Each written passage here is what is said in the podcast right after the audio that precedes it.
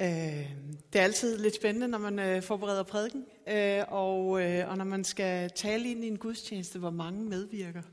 Og måske har I oplevet det samme som mig, øh, og jeg synes, det sker tit, at så kommer vi ved hver vores del og bringer det sammen, og så på en eller anden forunderlig vis, så viser det sig at passe præcis som tandhjulene i et urværk. Og det er også den oplevelse, jeg sidder med i dag, når du indleder og, og stort set kommer med et resume af det, jeg har tænkt mig at sige. Så hvis I synes, det lyder bekendt, så er det fordi, I hørte det for fem minutter siden. Ja. Men øh, måske er det værd at gentage. Det tror jeg, at det er. Øh, så, så jeg folder det ud på øh, efter bedste evne, så godt jeg nu kan. Ja, det er anden søndag i advent, og jeg har tændt adventskransen. Øh, hjemme hos mig har jeg også adventslys, og jeg glæder mig over dem. Øh, ikke kun om søndagen. Der er nogen, der har foræret mig sådan et bloklys øh, med fire tal på. Det er nogen, der vil mig det godt, for der er jul hele året med græn rundt i håret. Det kommer til at vare 100 år at brænde det bloklys ned. Men vi er ved fælles hjælp noget ned i nærheden af første søndag i advent. Så jeg tror måske, vi når det inden faste lavn. og det er godt at huske på advent, så lad os glæde os over det. Øh, anden søndag i advent. Ventetiden. Øh, vi tæller dagene frem imod jul. Det er, øh, det er nu, vi venter på Jesu fødsel. Vi ser frem mod at mindes Jesu fødsel. Vi fejrer den hver eneste år. Det er et ritual i vores kultur. Vi fejrer, at Jesus blev født ind i verden, den frelse, som Gud havde lovet os. Vi gør det sammen med familie og venner. Vi gør det gamle og unge sammen. Vi gør det altid. Det er en påmindelse om det, som skete, men det er mere end det. Vi husker historien om Jesu fødsel for over 2000 år siden. Vi husker den, fordi den minder os om noget vigtigt, men den minder os om Guds løfte om frelse til verden. En verden, som er ødelagt og hård. En verden, øh, hvor mennesker lider. Det kan man forvisse om ved bare at kigge ud af vinduet. Kig ind i fjernsynet. Der findes krige, der findes mennesker, som lider, der findes nød og håbløshed. Både helt tæt på os og langt væk fra os. Og man kan måske forfalde til at tænke, at øh, projekt Jesus har slået fejl. Der kom jo ikke fred til alle mennesker på hele jorden. Eller gjorde der? Men advent er mere end en påvindelse om noget, som skete. Det er også den tidsalder, vi befinder os i. Vi lever i en adventstid, og vi venter på noget nyt. Vi venter på, at Jesus kommer igen. Ikke sådan i symbolsk forstand, men i fuldstændig konkret forstand. Han kommer tilbage, og han indtager verden med sit væsen, med sin ånd. Han fylder jorden med Guds ultimative nærhed, kærlighed og fred. Vi venter på, at Gud genopretter sit rige, og vi skal træde ind i det sammen med ham. Lad os genbesøge øh, Esajas tekster. Du læste dem i en anden oversættelse. Nu tillader jeg mig at læse dem fra den her. Jeg synes, det giver mig noget nyt, hver gang jeg læser teksten fra en ny oversættelse.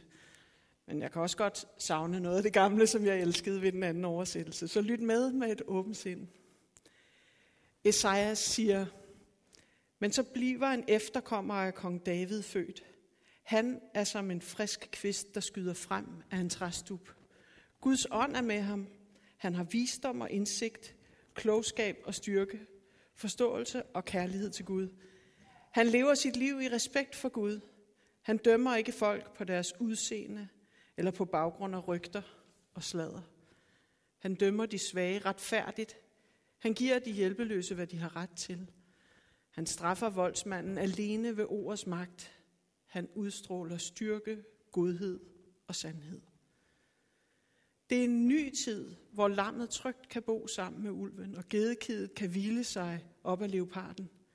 Kvæget kan græsse ubekymret i selskab med løven, selvom det kun er en lille dreng, der holder øje med dem. Koen og bjørnenes unger tager en lur sammen, og løven lever af græs ligesom kvædet. Spædbarnet kan lege ved siden af kobraen, et lille barn klapper giftslangen uden at blive bidt. På Guds urørlige bjerg, Sionbjerget, opfører folk sig ikke længere ondt, og ingen skader hinanden. For landet flyder over med indsigt i, hvad Gud vil have, vi skal gøre.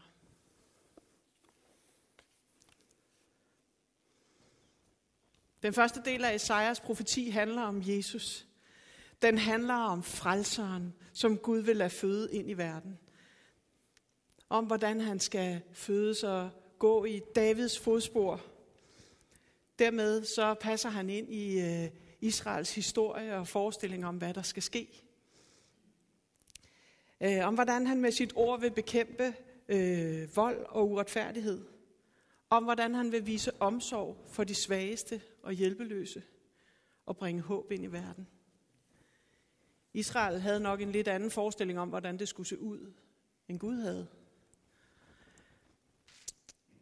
For Jesus kom, og han var ikke den kongeskikkelse, som Israel forventede. Han kom med ydmyghed.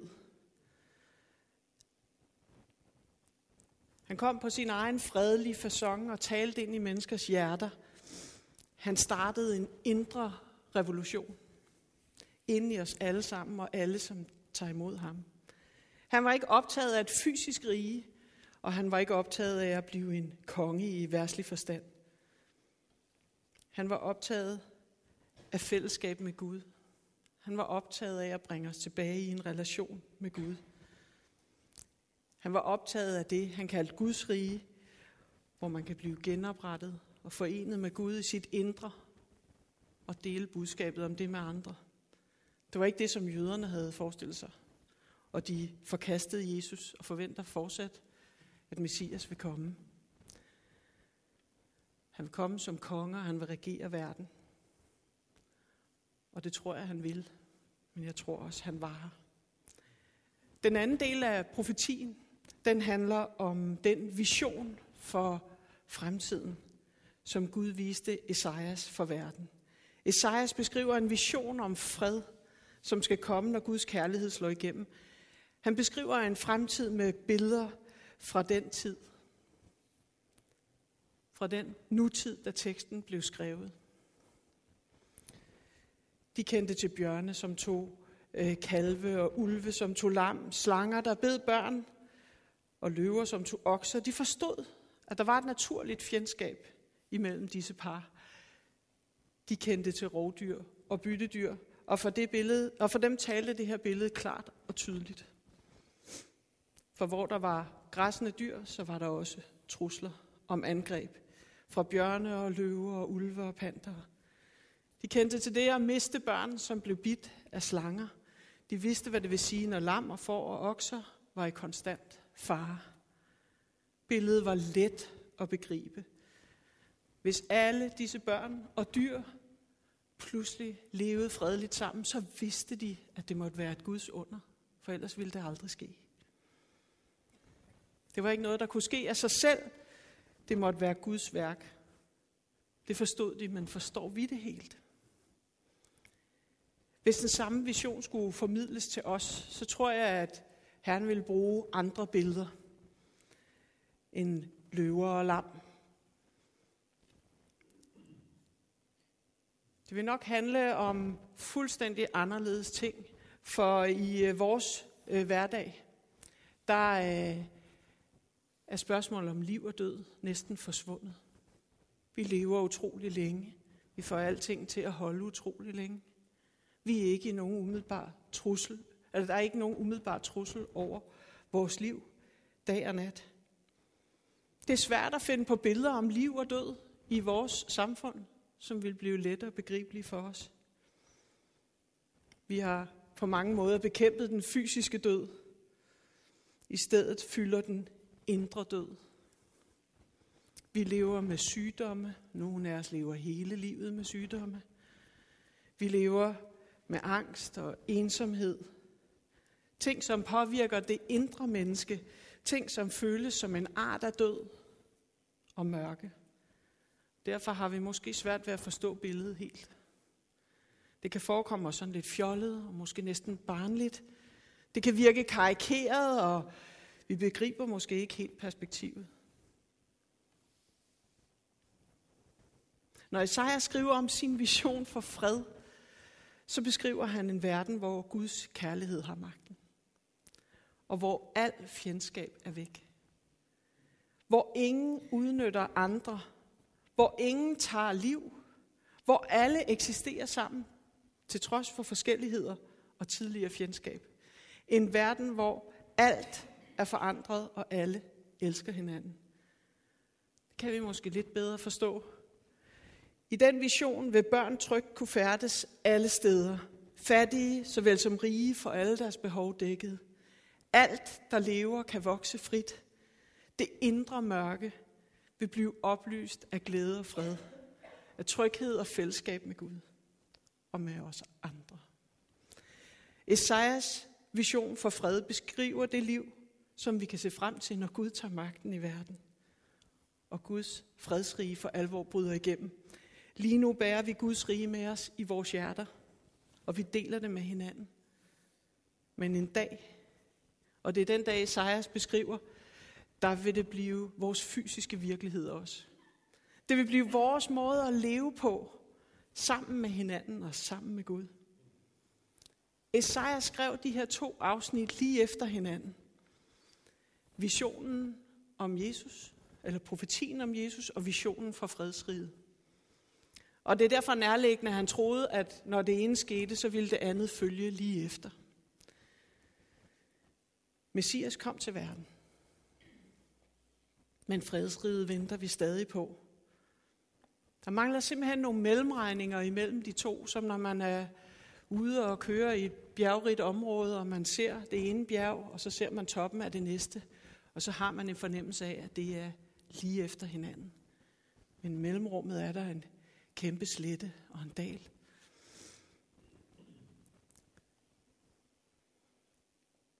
For jeg ved, at Jesus kom, og præcis derfor ved jeg også, at fredsriget vil komme. Jeg deler Esajas vision om fredsriget, selvom jeg ikke ser det. Og jeg kan se, at jeg lever, vi lever i mellemrummet imellem Jesu liv, død og opstandelse og fredsriget komme. Vi lever i adventstiden, i forventningen imellem de to. Og da Esajas kom med sin profeti, der levede han før Jesus. Vi har den store fordel, at nu lever vi med Jesus i adventstiden. Vi kan leve med øh, Jesus og Helligånden i forventning om det, som skal komme. Og det er både en skræmmende og en fantastisk tid, for den beskrives ikke kun med rosenrøde ord, den beskrives også af Lukas. Lad os prøve at læse sammen. Lukas 21, 25-36. Der kommer tegn fra solen, månen og stjernerne, og på jorden bliver folk grebet af angst. De ved ikke, hvad de skal stille op med havets og bølgernes brusen. Himlens kræfter bryder sammen, og folk falder om af skræk, mens de venter på, hvad der vil ske på jorden. Og, og så ser de mig komme, menneskesønnen, viser sig i sin viser sig i skyerne i al sin kraft og guddommelighed. Når det sker, kan I rette ryggen og løfte hovedet, for så bliver I snart befriet. Jesus forklarede det med en sammenligning. Se på fintræet og alle de andre træer, sagde han. Når de springer ud, ved I instinktivt, at det snart er sommer. Sådan er det også med Guds kongerige. Når I ser alt det her ske, ved I, at det er på vej og det hele kommer til at ske i jeres levetid. Himlen og jorden går under, men det jeg siger gælder altid. Nu er I advaret. Hvis I er optaget af fest og druk og hverdagens bekymring, så bliver I sløve, så kommer det bag på jer, når dagen pludselig er der. Og, det, og der er ikke et eneste menneske på hele jorden, der går fri. Så hold jer hele tiden parate. Bed om, at I får styrke til at komme godt igennem det, der skal ske. Og om, at I til den tid kan klare at stå ansigt til ansigt med mig, menneskesønnen.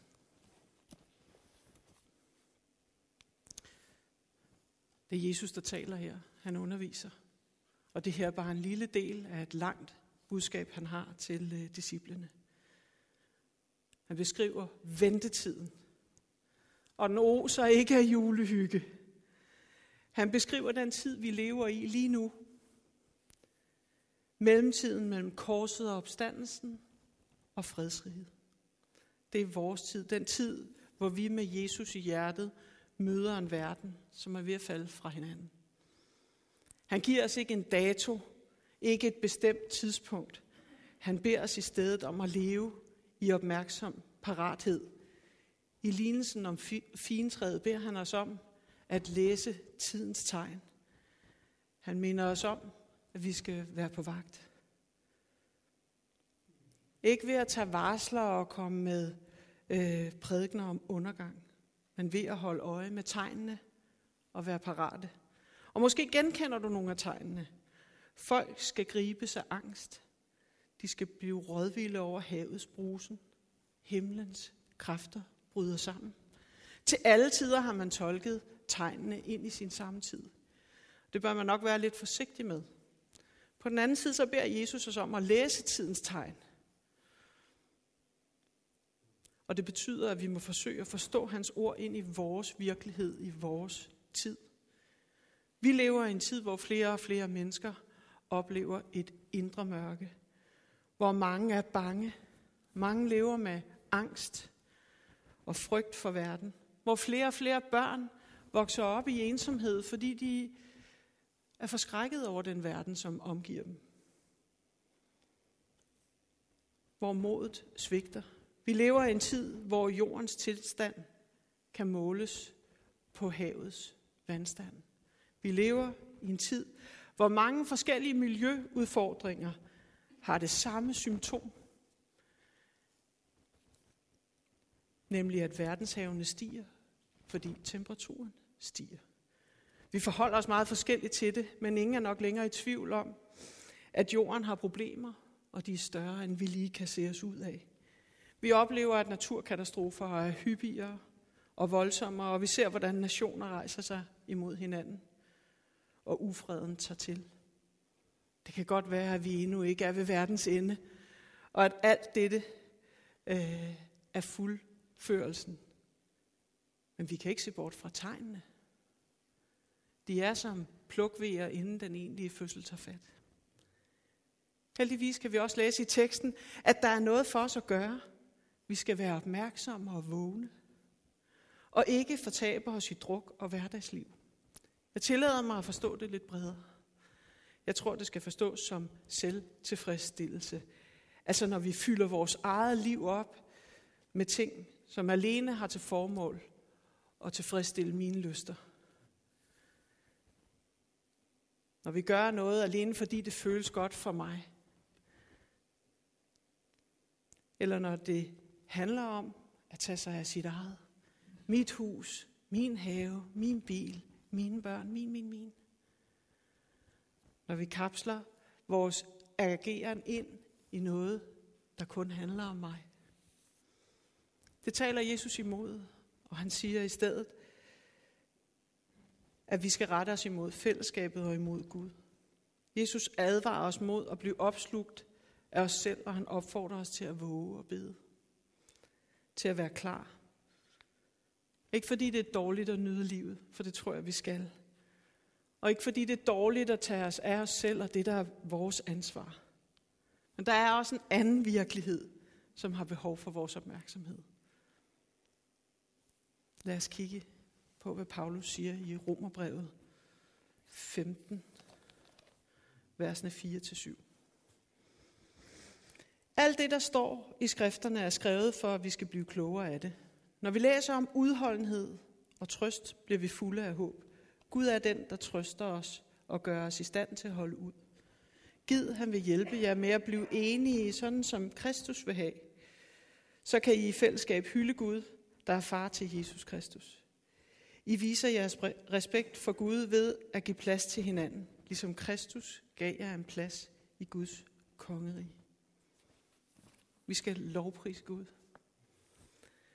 Og vi skal tage imod hinanden, sådan som Gud tager imod os. På den måde ærer vi Gud.